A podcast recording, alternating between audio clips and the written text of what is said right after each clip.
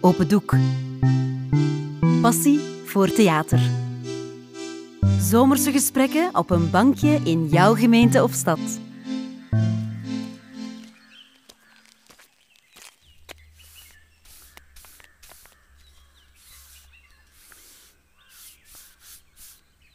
Wauw. Velen zijn geroepen, maar weinigen uitverkoren. Uh, goedemiddag, meneer. Goedemiddag. Uh, nee, ik ben niet geïnteresseerd. Hoezo? Ik wil u alleen maar complimenteren. Oh, oh. ik dacht dat u mij tot het ware geloof wilde bekeren. nee, ik wil u gewoon zeggen dat uw schilderij me erg aanspreekt. Oh, dankjewel. Er zijn veel schilders, maar weinigen hebben het in hun vingers om mensen te beroeren.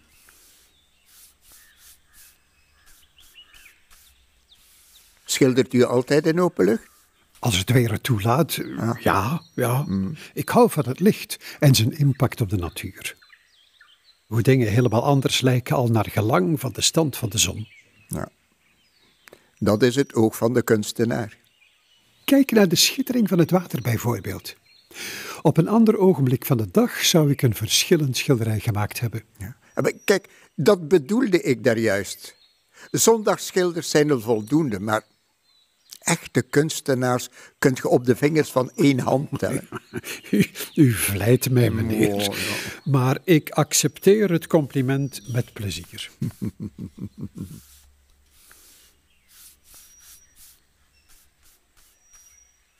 Ik heb er altijd van gedroomd om iets artistieks te doen, oh, maar mooi. het is er nooit van gekomen. Oh. U, u weet hoe dat gaat. Je wordt verliefd, getrouwd, huisje, tuintje, kindjes. En een beroep dat u helemaal opslorpt. Wie creatief wil zijn, moet tijd vrijmaken, meneer. Ook al past dat niet meteen in de planning. Hm. Ja, dat heb ik ook vaak gedacht. Maar ik heb er nooit de moed voor gevonden. Een mens moet zijn dromen najagen. En ja, soms moet men daar iets extra's voor doen. Maar uiteindelijk loont het, weet u. Hmm. En dan zou men later nooit over verloren kansen hoeven te klagen. Ja. Tussen droom en daad staan wetten in de weg en praktische bezwaren, zei Willem Elschot. In mijn geval waren de wetten mijn vrouw en de praktische bezwaren het inkomen. Uiteindelijk moest er brood op de plank voor een gezin van zes. Ja, ik heb een andere keuze gemaakt. Oh. Mijn passie bepaalt mijn leven en dus is het een leven zonder relatie geworden. Passie is het sleutelwoord, daar kan ik u in volgen. Het schilderen.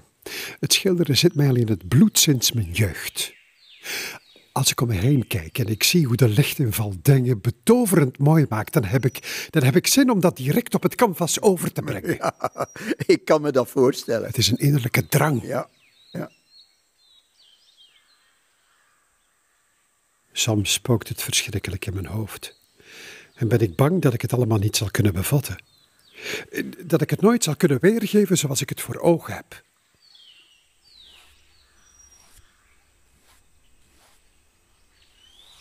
Ik, uh, ik neem aan dat u ook exposeert.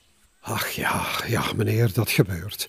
Maar een artiest kan zich niet met alles bezighouden. Tentoonstellingen organiseren is een kunst op zich. Hmm. En de expositie moet recht doen aan wat je hebt gecreëerd. Ja. Ik word er gek van als ik er dat ook nog eens zou moeten bijnemen. ja, ja, ja.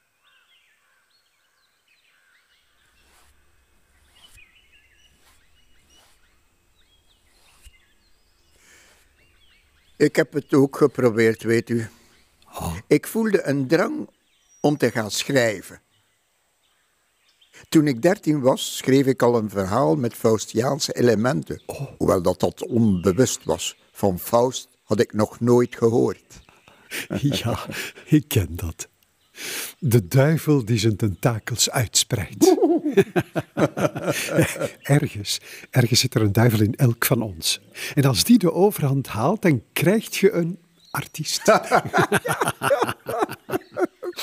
Toen, toen, toen ik getrouwd was, heb ik ook nog een poging ondernomen om een roman te schrijven. Oh. Maar pff, dat is nooit helemaal gelukt. Die duivel in mij was maar een duiveltje Oh, en heeft mij nooit helemaal in zijn macht gekregen. Het punt is dat je je helemaal moet kunnen laten gaan. Je moet je kunnen overleveren aan de scheppingsdrang die in u leeft. Soms kan dat tot razernij leiden, zodat mensen beginnen te denken dat je helemaal gek geworden bent. Dat maakt mij bang. Terecht. Maar het is een drempel die men moet overschrijden. Eens je die angst hebt overwonnen, word je pas jezelf. Ja.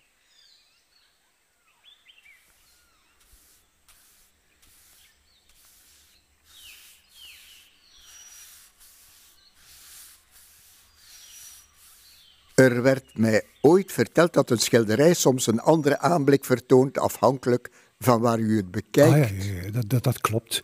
Eh, Kom eens hier staan. Kom eens aan deze kant kijken.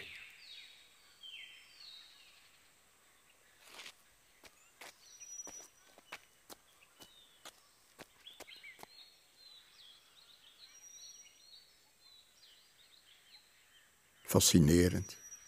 Het lijkt wel of de schittering van de zon in de vijver zich heeft verplaatst. Hoe slaagt u erin zo'n effect te bekomen?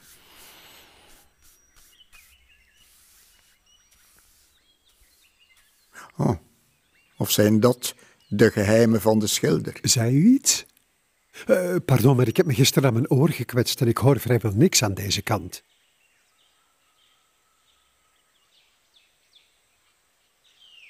U.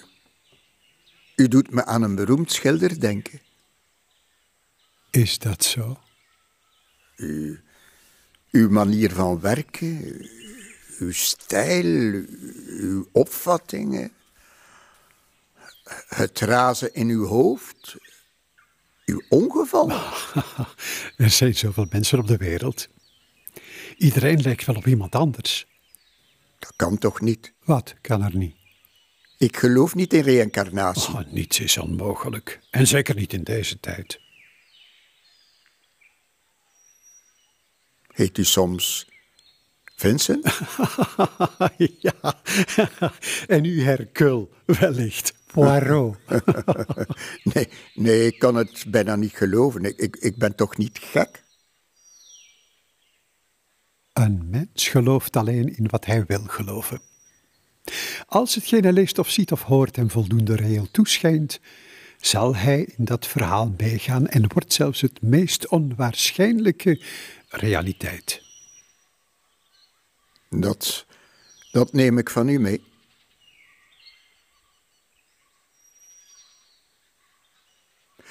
Zit u hier morgen opnieuw? De wegen van de kunstenaar worden pas bepaald op het moment zelf, meneer.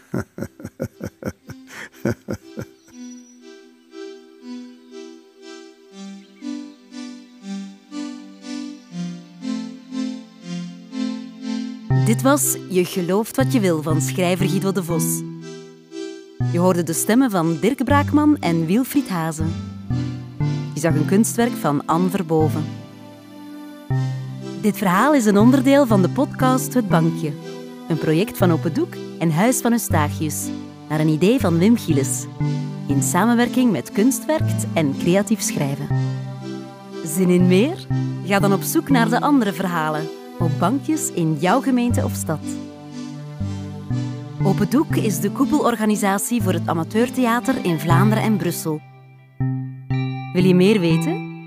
Surf dan naar www.opendoek.be.